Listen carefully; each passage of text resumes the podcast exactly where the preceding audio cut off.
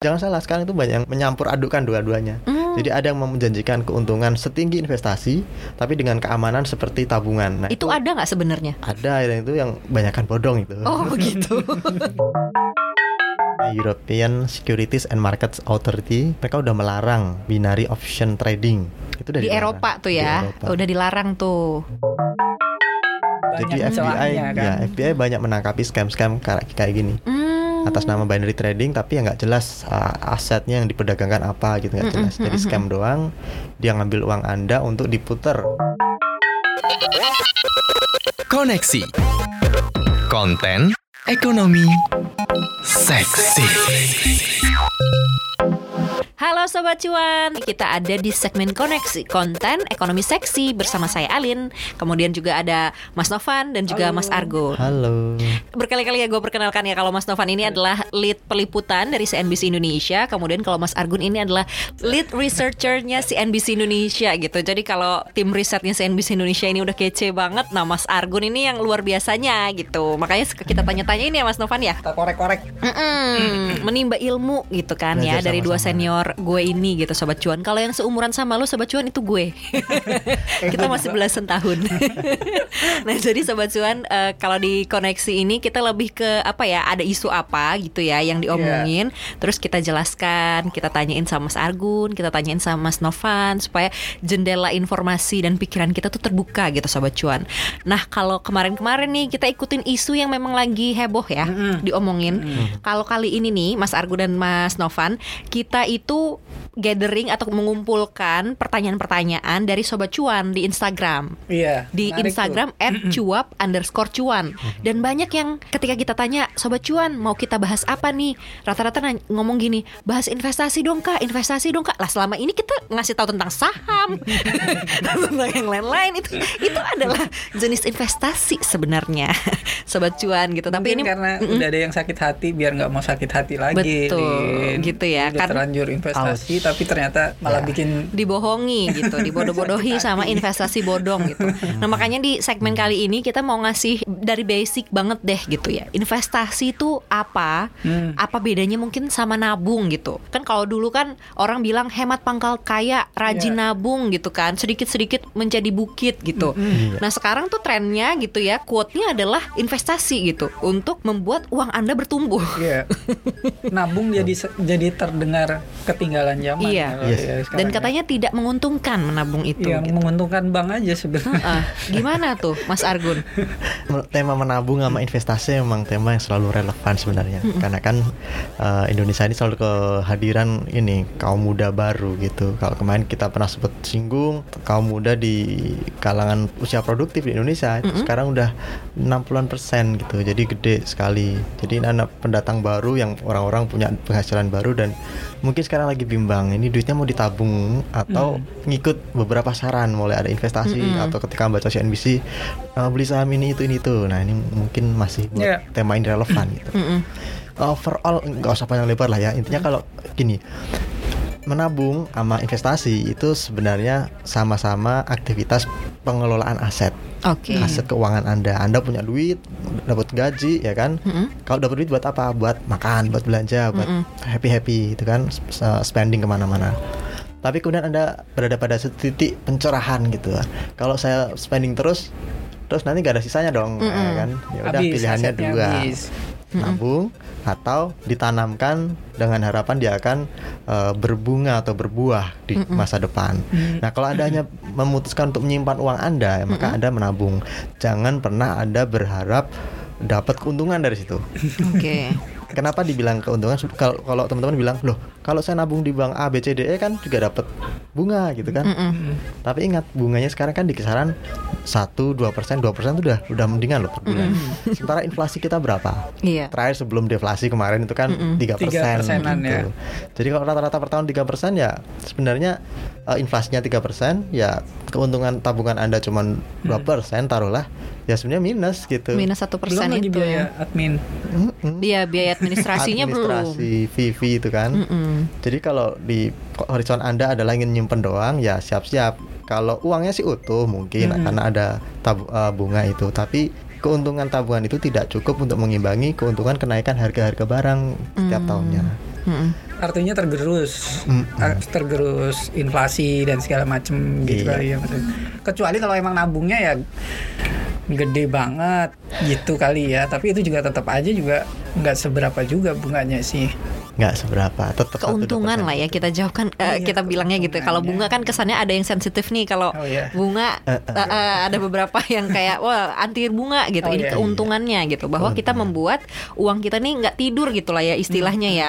Soalnya gue suka baca-baca gitu kan kalau misalnya kita tabung tuh uang kita tuh tidur gitu yang nggak ya segitu-segitu aja sementara barang-barang makin mahal gitu tadi sesuai dengan penjelasannya Mas Argun gitu kan Iya. Mas Eh, kemudian kalau investasi gimana? Ya investasi sebaliknya. Jadi Anda menggunakan uang Anda untuk ditahan di satu aset. Mm-mm. Maksudnya apa? Dipakai untuk beli barang lain di mana Anda berharap dalam jangka waktu tertentu ketika Anda menjual kembali barang tersebut atau aset investasi tersebut istilah kerennya, ya Anda akan dapat keuntungan yang lebih Iya. tinggi daripada eh, inflasi.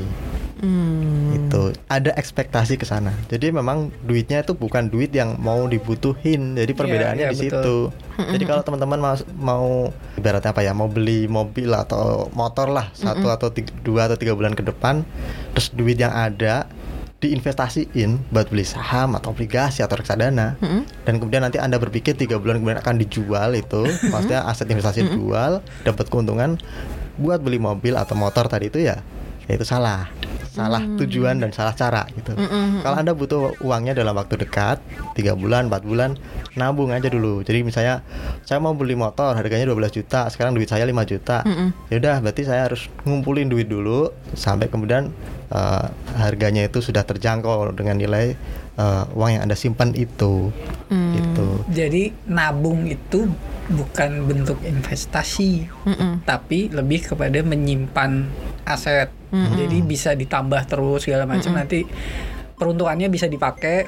Kemudian kalau misalnya kita butuh memang butuh gitu kan dalam jangka waktu dekat. Berarti kalau Mas Argun bilang cerita soal misalnya tiga bulan ke depan mau beli motor ya udah tabung aja sebulan sekian sekian sekian tapi di- ditabung. Karena kalau misalnya bicara investasi ada jangka waktunya pasti pasti juga berkaitan dengan jangka waktu yang agak Mm-mm. yang agak lama nggak bisa ekspektasinya dalam satu bulan bisa profit sekian segala macam kalau menurut gue mungkin mindsetnya coba cuan perlu di diluruskan. di iya maksudnya di, di set up bahwa bahwa investasi itu long term gitu bisa puluhan tahun gitu kan. Dan sesuai target juga mau mau mau apa nih hasilnya kayak gimana. Jadi kalau misalnya ada yang ngomong investasi aja tiga bulan Mm-mm. profitnya sekian wah itu layak dipertanyakan sebenarnya Yes. Nah ini kita ke ke nextnya nih ya perbincangan kita jadinya ya Eh, kan tadi udah dikasih tahu tuh perbedaan investasi sama menabung tuh apa gitu ya tapi kalau jenis-jenis investasi tuh ada klasifikasinya nggak sih Mas Argun? Oke, kalau jenis investasi itu ada dua ya secara umum berdasarkan eh, asetnya, bentuk asetnya. Ada investasi keuangan, ada investasi sektor real gitu. Oke. Jadi kalau anda punya uang, terus mau investasi di sektor keuangan, ya gampang beli reksadana, beli saham, beli obligasi atau surat utang pemerintah, surat utang swasta. Nah itu investasi di sektor keuangan. Kalau deposito tuh masuknya ke Nah deposito ini nih menarik. gitu. itu investasi juga apa gimana? ya ini in between. Oke. Jadi ada yang mengatakan bahwa dia itu investasi. Mm-mm. Terus Ada bilang enggak, dia itu Nabung. tabungan gitu. Hmm. Mereka di di bank itu kan dimasukkan di dana pihak ketiga gitu sama-sama dengan tabungan meskipun dia termasuk dalam apa istilahnya eh, dana yang mahal.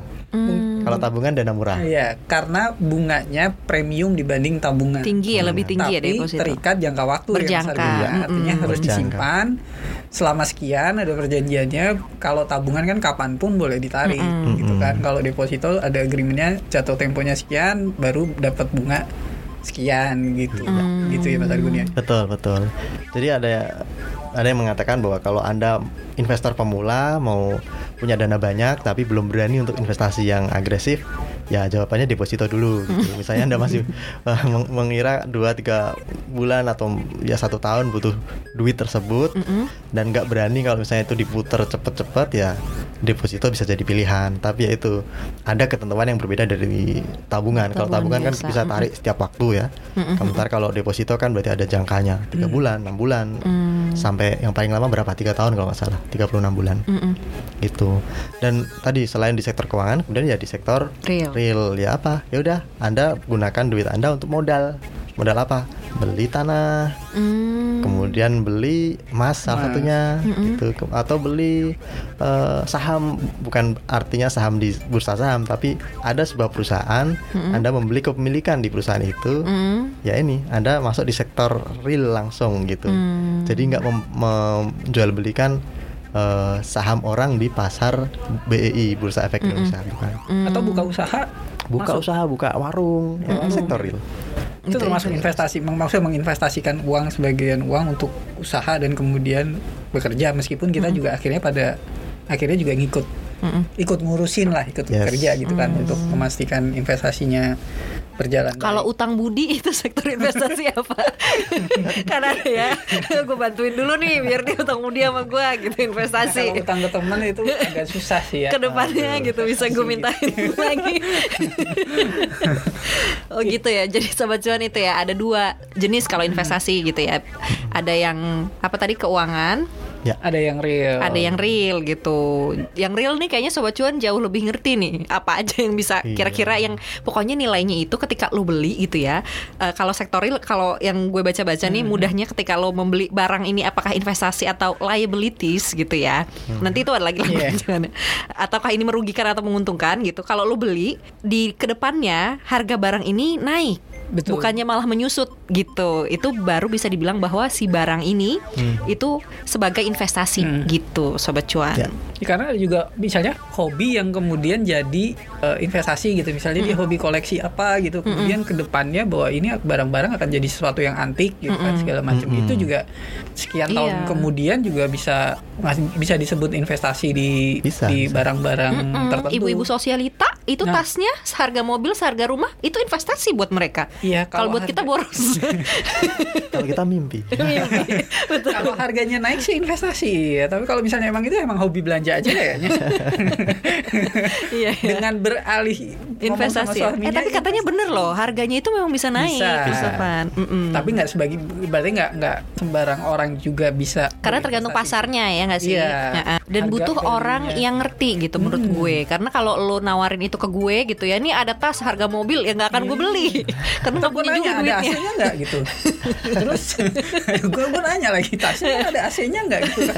Terus ada GPS-nya nggak? Gitu. Iya. dengan gue beli mobil gitu. Kan beda Gitu bahasanya ya. nanti. Beda. Nah itu tadi namanya jenis-jenis investasi gitu ya Mas Argun ya. Terus kan kalau misalnya orang tuh mindsetnya kan gini Wah investasi nih akan selalu menguntungkan gitu. Tapi ada juga yang bilang investasi itu uh, high risk high return gitu. Yes. Ketika lo pengen dapat untung lebih tinggi Berarti di situ juga ada potensi atau resiko yang sama tingginya gitu Nah ini gimana nih Supaya Sobat Cuan lurus lagi nih jalan pikirannya tentang investasi gitu kan jangan terhipnotis dengan Instagram Instagram ya Ah, ah, dengan keuntungan cepat dan besar gitu kan. Gimana, Mas? Oke, yang membedakan investasi dan uh, tabungan salah satunya itu uh, risiko. gitu. Jadi kalau anda berinvestasi itu akan ada risiko yang membayangi. Jadi jangan dipikirkan itu akan selalu untung. Jadi memang investasi saham, obligasi apa pun ya sebenarnya ada risikonya. Tetapi kalau di tabungan ya risikonya bisa dibilang nggak ada. Mm-mm. Jadi anda duit anda itu di- disimpan di bank itu kan dijamin LPS. betul Kalau ada apa-apa banknya tutup misalnya, dua ya, miliar ya Iya maksimal 2 miliar nih duitnya. ya. Jadi pisah aja tuh di bank-bank lain aja maksimal 2 miliar gitu di satu bank. Di seratusan bank itu lumayan.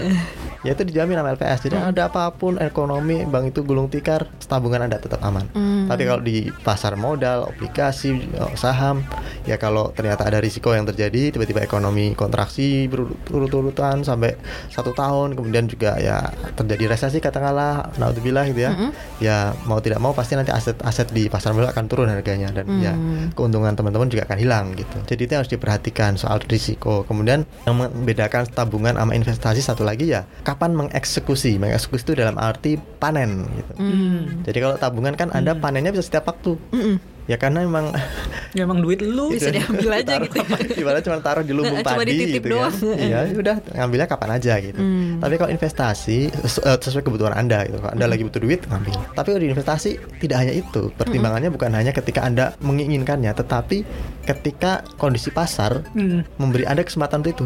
Tiba-tiba harga saham Anda naik sekali meskipun Anda nggak butuh duit banget, Mm-mm. tapi keuntungannya sudah 300% dan kemudian analisis mengatakan bahwa ini peluangnya nanti akan jadi pembalikan gitu, Mm-mm. pembalikan harga misalnya di Akan saham. turun gitu ya. Ya udah saatnya jual. Gitu, Jangan saatnya jual, ditahan saatnya yang panen. satu itu. Mm-mm. Meskipun but- belum butuh duit masih kaya ya kan masih tajir. Tapi setelah itu kan bisa di- diputar lagi untuk beli saham lain yang harganya lebih murah misalnya kayak gitu. Hmm. Nah ini jadi ya kapan anda eksekusi panen uang anda itu, nah itu yang membedakan uh, karakteristik tabungan dan uh, Investasi. Ja- jangan salah sekarang itu banyak yang menyelamur, melamur- me- menyampur adukan dua-duanya. Hmm. Jadi ada yang menjanjikan keuntungan setinggi investasi, tapi dengan keamanan seperti tabungan. Nah, itu ada nggak sebenarnya? ada yang itu yang banyakkan bodong itu. Oh begitu. Jadi sebenarnya nggak ada dong Mas Argun ditipu-tipu. too good to be true. Pokoknya kalau teman-teman dap- dapat uh, tawaran seperti itu, too good to be true seperti itu, saatnya harus curiga. Itu Iya, aja udah betul. curiga. Karena ya apa ya kalau misalnya si pemilik layanan investasi tadi itu uh, bisa kaya, ngapain anda ju- dia jualan ke anda gitu kan? Dia aja pa- sendiri muter aja gitu sendiri. Habis itu sekarang mungkin udah tiduran di Hawaii atau di mana liburan ya Gak kan? usah nggak usah sibuk-sibuk cari nasabah ya. ngapain cari nasabah kalau kalau udah sangat kaya dan menguntungkan itu gitu kan? Ya itu aja. Jadi ya hati-hati gitu. Karena kadang mereka menjanjikan keuntungan yang fix seperti tabungan keamanan seperti tabungan tetapi yaitu dengan nilai yang tinggi. Bunga tinggi dan fix. Waduh itu udah harus hati-hati. Iya kalau kalau gue lihatnya memang memang sekarang ini kan memang anak anak muda sobat cuan gitu ada memang keinginan untuk ah waktunya mungkin gue harus belajar investasi. Kayaknya kesadaran itu sudah mulai Sudah mulai tumbuh ya di anak-anak muda zaman gitu, sekarang. muda mau tahu segala macam dan cari tahu ke sana kemari ke sana kemari gitu kan. Cuma memang harus hati-hati sih gitu kan. Jangan sampai jerih lelahnya teman-teman gitu kan. Udah ditaruh Hilang di satu dalam tempat hitungan.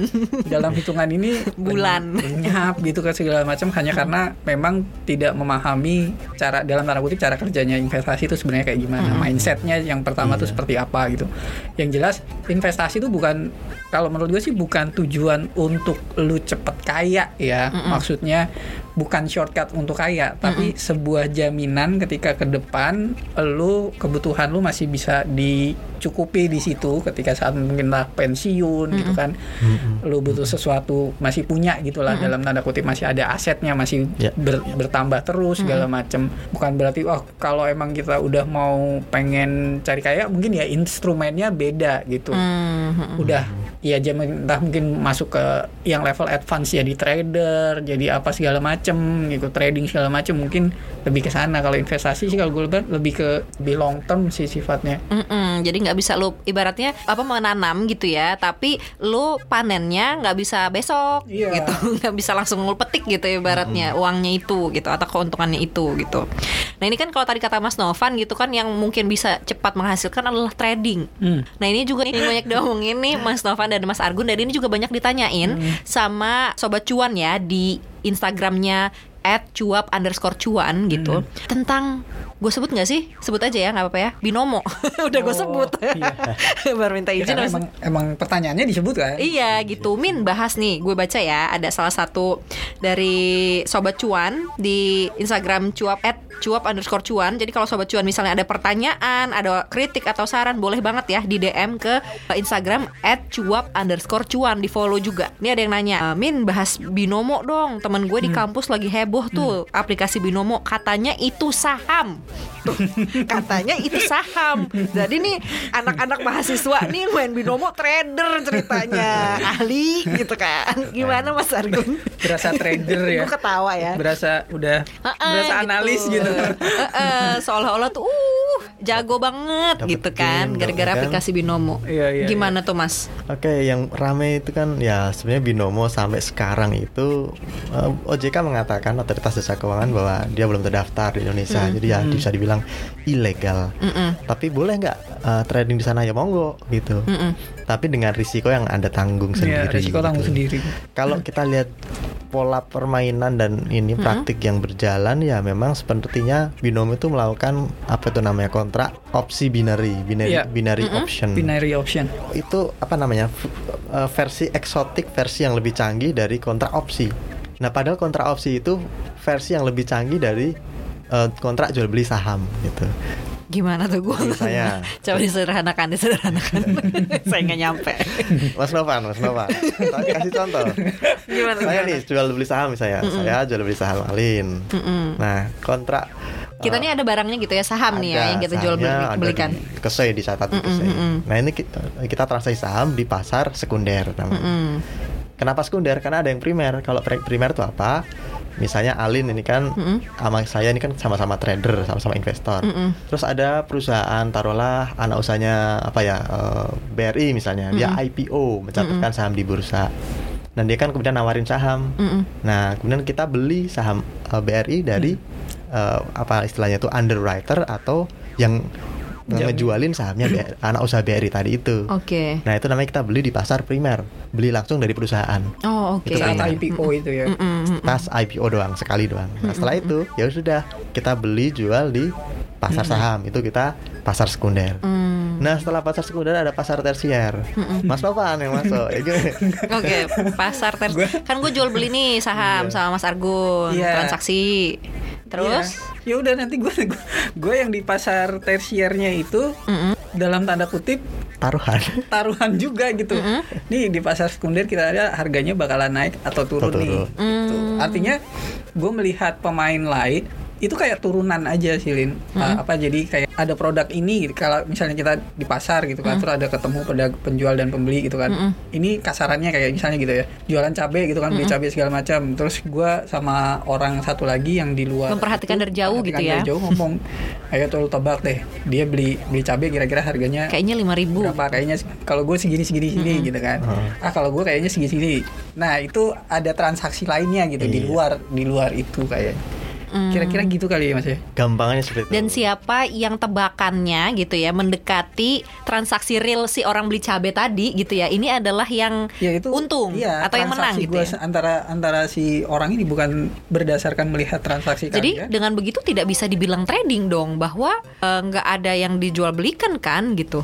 Iya. Ini kasus binomo ya. Berarti kan binomo tuh mekanismenya yang ada di dalamnya tuh kayak gitu gitu. Mekanisme transaksinya gitu ya.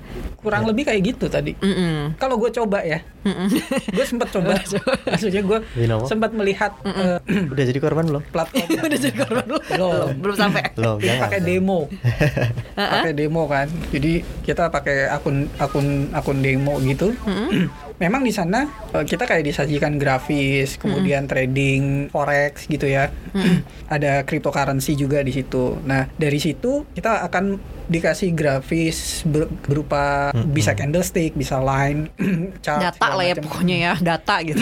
Data pergerakan Nah, harga. data pergerakan segala macam. Nah, kita dikasih timing gitu ya untuk menebak Hmm. sekedar menebak bahwa ini akan naik atau akan turun gitu kan. Dengan kemudian kita mendapat uh, return yang gede. Mm-mm. Misalnya kita taruh 10.000 ribu gitu kan, mereka returnnya tuh bisa 80% gitu kan. Ya itu memang menggiurkan sih gitu kan.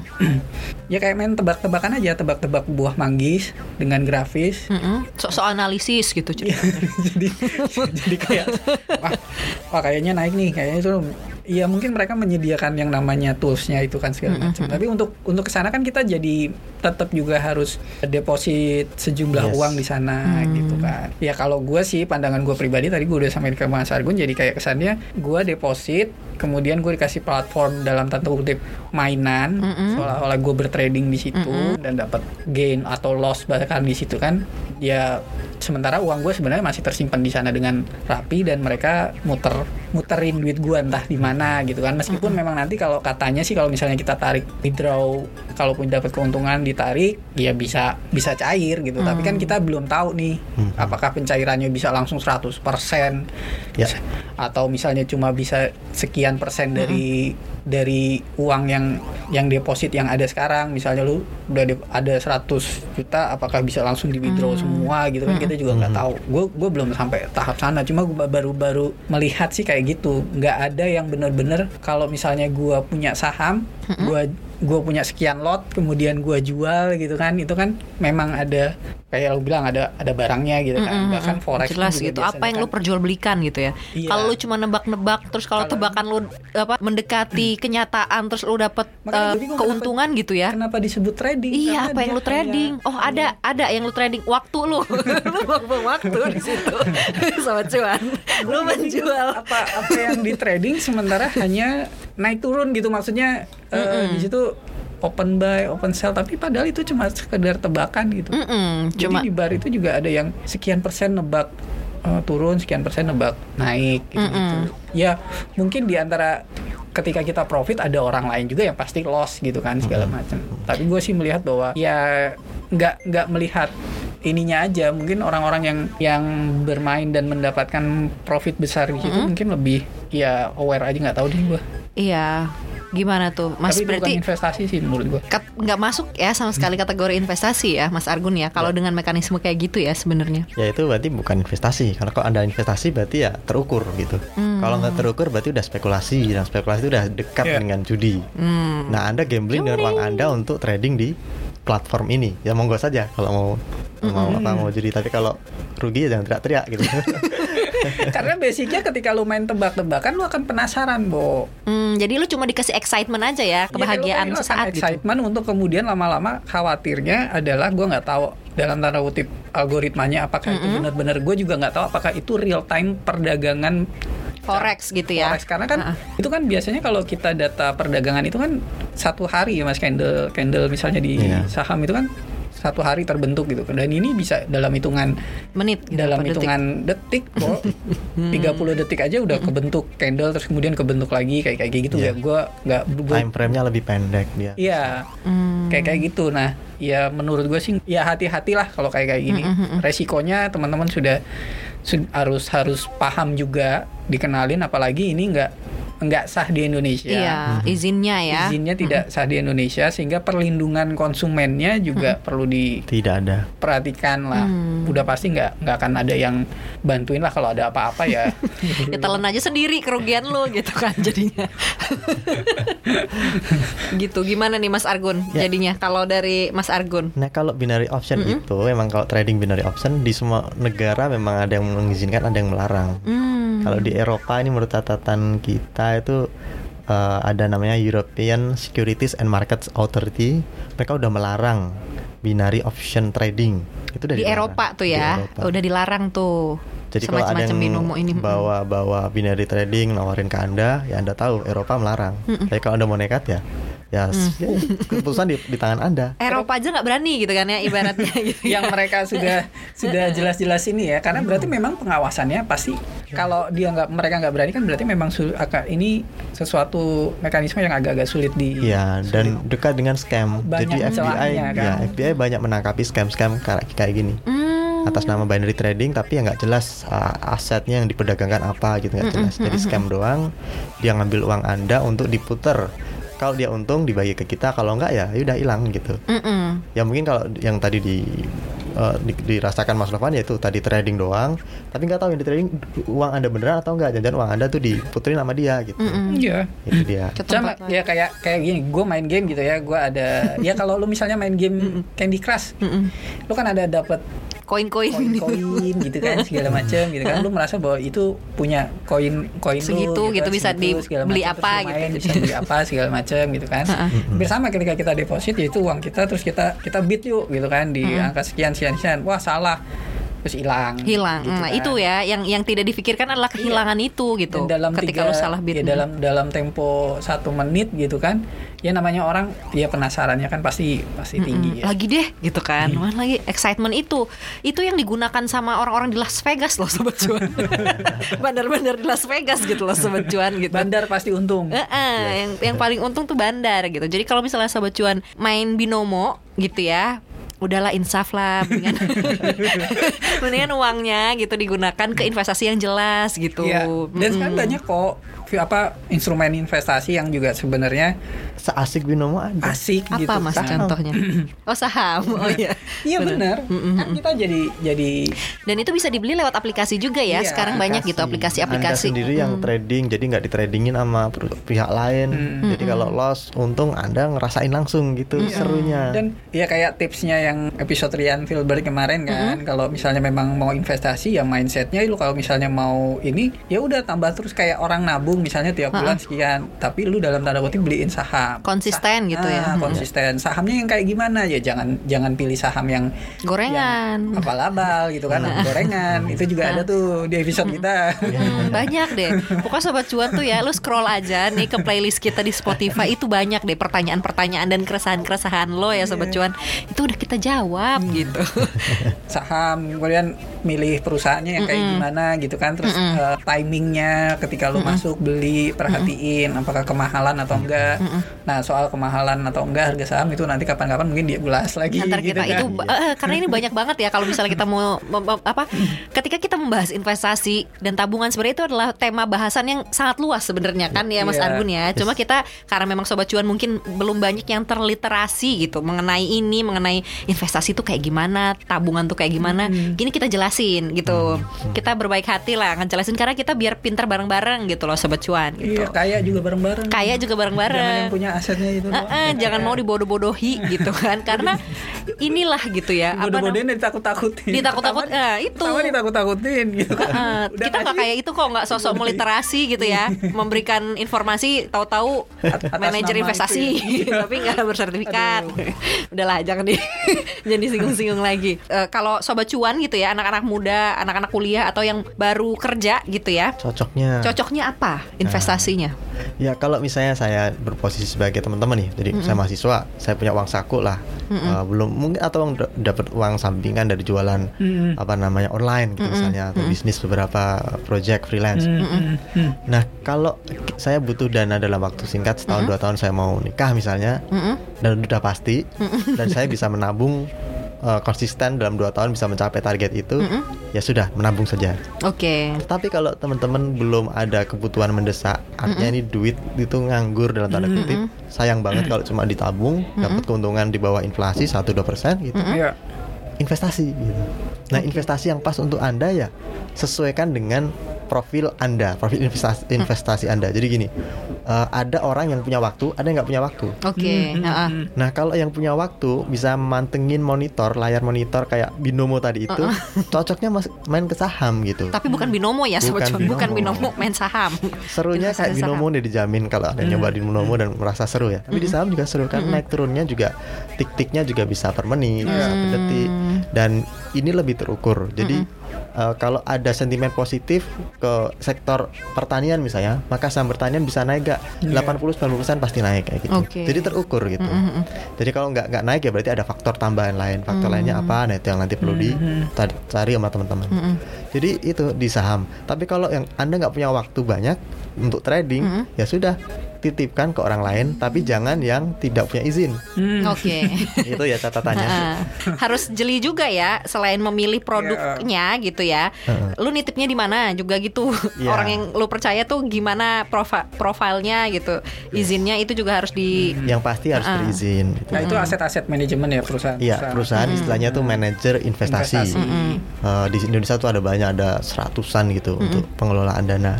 Bedanya yaitu Anda kalau di sana tidak bisa minta beliin saham tertentu kalau jumlah dana Anda kecil.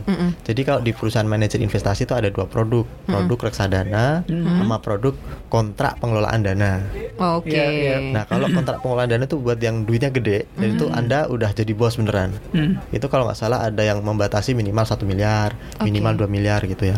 Jadi kalau dana anda segitu, anda berhak untuk duit saya taruh di sini, taruh di situ, taruh di sana, di sini, di sini, pindahkan, pindahkan. Dan itu kita mengontrol penuh. Oh, Ini tuh kayak ini nih sobat cuan kalau yang nonton uh, drama Korea Itaewon Class. Nah, itu tuh ada tuh si tokoh utamanya. Ternyata dia punya itu. Apa kontraknya kayaknya uh, yang gede itu. Iya. Jadi dia bisa bilang, "Gue mau beli saham Jangga" gitu. Iya. Beli semua gitu. Dia nelfon tinggal nelfon. Gue mendingan nonton Binono daripada nonton drakor kayaknya. eh tapi drakor tuh bisa bisa lu belajar. Belajar literasi keuangan juga ya. Eh, ada tuh di Taiwan Class ya jangan lupa Iya. sobat cuan. Nah terus kalau yang satu lagi, Yaitu kontrak pengelolaan dana istilah aslinya discretionary fund. hmm, Nah, kalau satu lagi itu reksadana. Reksadana itu mutual fund di mana kita tuh patungan rame-rame sama orang lain. Jadi kita membeli kontrak dan di situ yang menentukan itu dibeliin saham atau Hmm. produk keuangan apa si manajer investasi. oke. Kita hanya mendapatkan laporan bulanan. Iya. Nah, ini akan jadi masalah kalau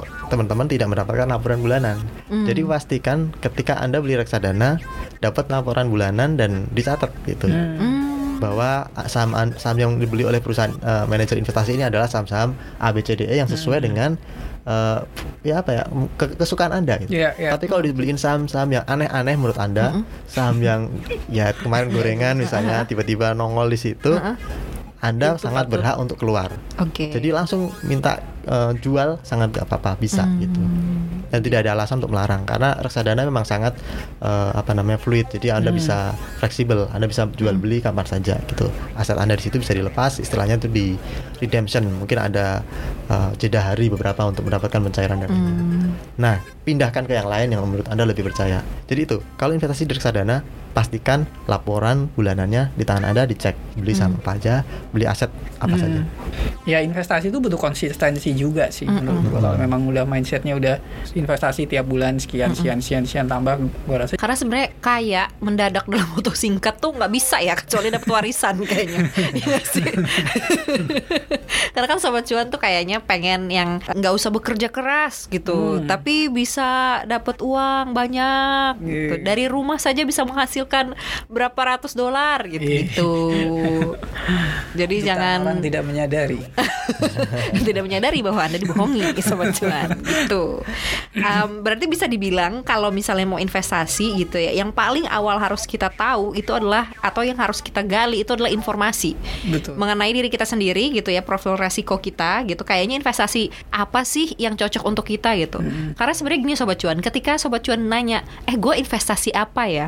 Orang tuh nggak ada yang bisa jawab sebenarnya, karena lo yang tahu, lu tuh eh, apa kebutuhannya apa, gitu kan? Dana lu adanya berapa? Terus lu tuh seberapa kuat sih menerima lossnya Iya. gitu?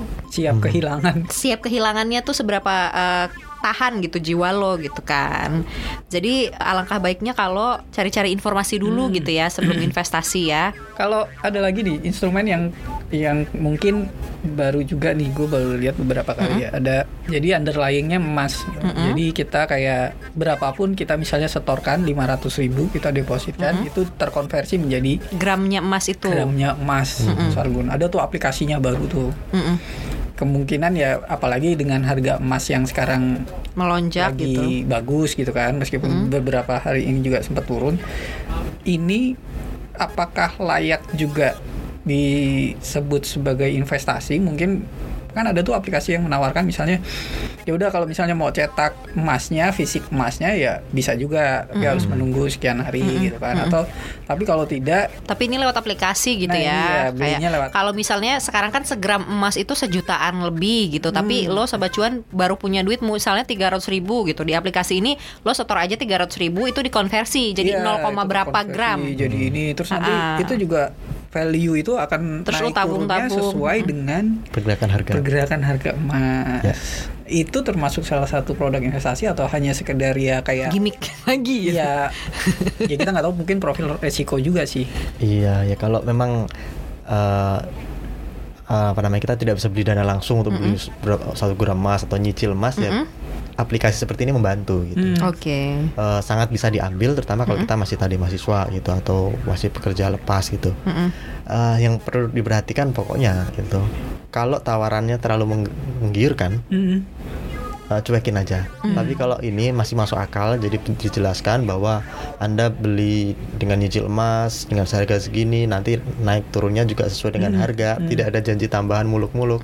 Ya itu layak diperhatikan. Tapi uh, mau beli dulu atau mau ambil nanti dulu. Hmm. Pastiin bahwa aplikasi itu uh, punya izin untuk menawarkan produk tersebut di Indonesia. Hmm. Gitu karena kan beberapa kali dulu ada investasi bodong ya berbasis emas gitu. Iya. Hmm. Uh, bahkan ada yang pakai embel-embel syariah emas dulu pernah ada kasus itu. Mm-mm.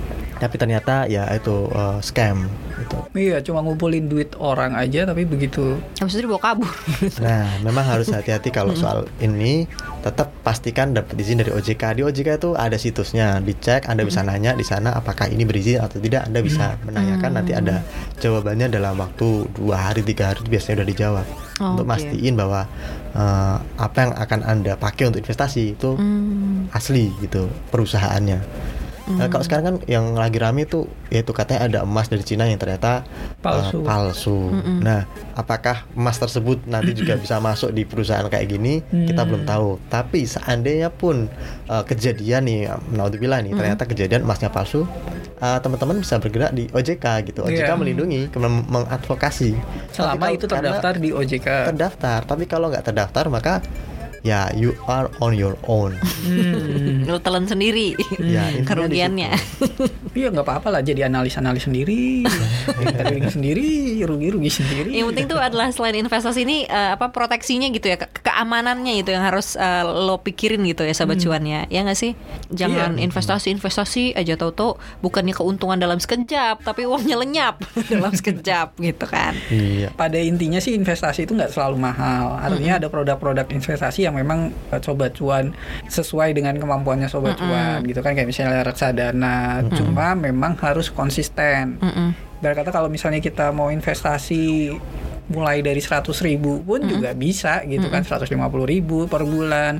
Disisihkan. Nanti kan ke depan juga laporannya dilihat berapa value-nya yang tadinya 200 ribu ternyata iya tambah sedikit. Mm-mm. emang sih kalau dilihat nggak nggak seberapa. Tapi kalau misalnya rajin gitu kan daripada balik lagi daripada nabung lebih baik yang yang dalam tanda kutip returnnya gue nggak nyebut bunga ya returnnya bagus. Karena saham pun juga ada yang syariah. Betul. Iya, betul. Mm-mm. Mas Argun mungkin ada ujangan gitu buat sobat cuan yang, duh investasi apa ya gitu. ujangannya apa closing statement deh? Ya, Apa? eh, eh, saya setuju emang kalau sama Mas Novan kalau mau kaya itu bukan berarti investasi langsung kaya, enggak. Eh, karena ada faktor risiko itu. Tapi kalau secara apa namanya historis biasanya orang yang kaya itu dari investasi biasanya. Nggak ada orang yang kaya dari tabungan tuh kan. Iya. Hmm. Nah, misalnya eh, return tertinggi dari aset investasi itu apa? Terbukti di saham. Memang pen- kalau ya bisa di apa ya, bisa dihitung berbeda berdasarkan periode pengukuran dari tahun berapa gitu ya. Tapi overall kalau Investopedia menyebutkan itu memang saham. Eh, Sejauh ini yang paling tinggi disusul kemudian ada gold, emas, ada minyak, komoditas. gitu. komoditas Jadi ya kalau misalnya Anda naruh duit untuk beli minyak, ternyata harganya bisa se naik setinggi itu dan aset Anda bisa bertambah setinggi itu. Nah, itu perhitungannya seperti itu. Jadi kalau teman-teman mau nyoba investasi dan aman saya pikir ya sejauh ini memang saham. Tapi kalau memang eh, dananya masih terbatas, jangan khawatir. Di saham itu kan banyak yang eh, sahamnya masih murah gitu dan itu nanti bisa digunakan untuk eh, memperkuat posisi Anda untuk beli saham yang lebih mahal. Dan kalau misalnya Anda memang tidak ingin trading tiap hari, beli saham-saham untuk kepentingan defensif. Nah, istilahnya itu ada saham-saham misalnya yang tidak perlu di trading tapi Anda menikmati keuntungan tahunan dari Iya, dividen. dividen. Hmm. Nah, itu ada misalnya ada saya sebut aja ini Unilever kan udah Iya. sepanjang sejarah tuh dividennya 100 tahun. Untung 100 triliun misalnya ya 100 triliun dibagi jadi dividen ke pemegang saham gitu. Mm-mm. Nah, hal-hal ini yang seharusnya dipertimbangkan. Beli saham, tapi saham yang apa? Mm-mm. Ya, sesuai dengan profil uh, risiko yang Anda miliki dan kebutuhan Anda. iya benar Betul gitu ya sobat cuan ya. Jadi kalau misalnya ke- eh, terinspirasi untuk oh ya udah deh saham gitu. Dipelajari dulu, dicari tahu dulu informasi sebanyak-banyaknya. Terus mau investasi apa yang lain gitu ya. Emas dicari tahu dulu. Pokoknya intinya adalah edukasi diri lo sendiri, cari informasi sebanyak-banyaknya, jangan tergiur dengan sesuatu yang too good to be true kalau kata Mas Argun tadi gitu ya. Dan jangan mindsetnya mau kaya dalam waktu singkat. Betul. gitu ya sobat cuan ya. Semoga episode kali ini cukup mencerahkan sobat cuan Cuan dan kalau misalnya ada pertanyaan, ada kritik atau ada saran gitu ya, boleh banget di DM ke Instagram kita di @cuap_cuan. Iya. Atau bisa juga ke Twitter atau Instagramnya CNBC apa Mas Novan? Eh, CNBC Indonesia. Iya, at CNBC Indonesia gitu. Atau kalau misalnya pengen ngeliat nih tulisan Mas Argun gitu ya, ri- riset-risetnya Mas Argun gitu dan analisisnya Mas Argun tentang berbagai macam hal terkait dengan ekonomi dan bisnis, itu bisa ke www.cnbcindonesia.com. Hmm. Mas Argun tuh itu nama panggilan aja sobat cuan. Jadi sobat cuan cari aja tuh kira-kira researcher CNBC yang kayaknya namanya Argun nih gitu. nama nama nickname-nya gitu. Nickname. Sama tim banyak. Oh iya dengan timnya Mas Argun gitu. Segitu aja dulu deh ya untuk episode koneksi di pekan ini. Kita ketemu lagi pekan depan. Semoga sehat-sehat selalu sobat cuan dan semuanya Mas Argun dan Mas Novan. Ya. Mm-mm. Happy investasi. Dah. Ah.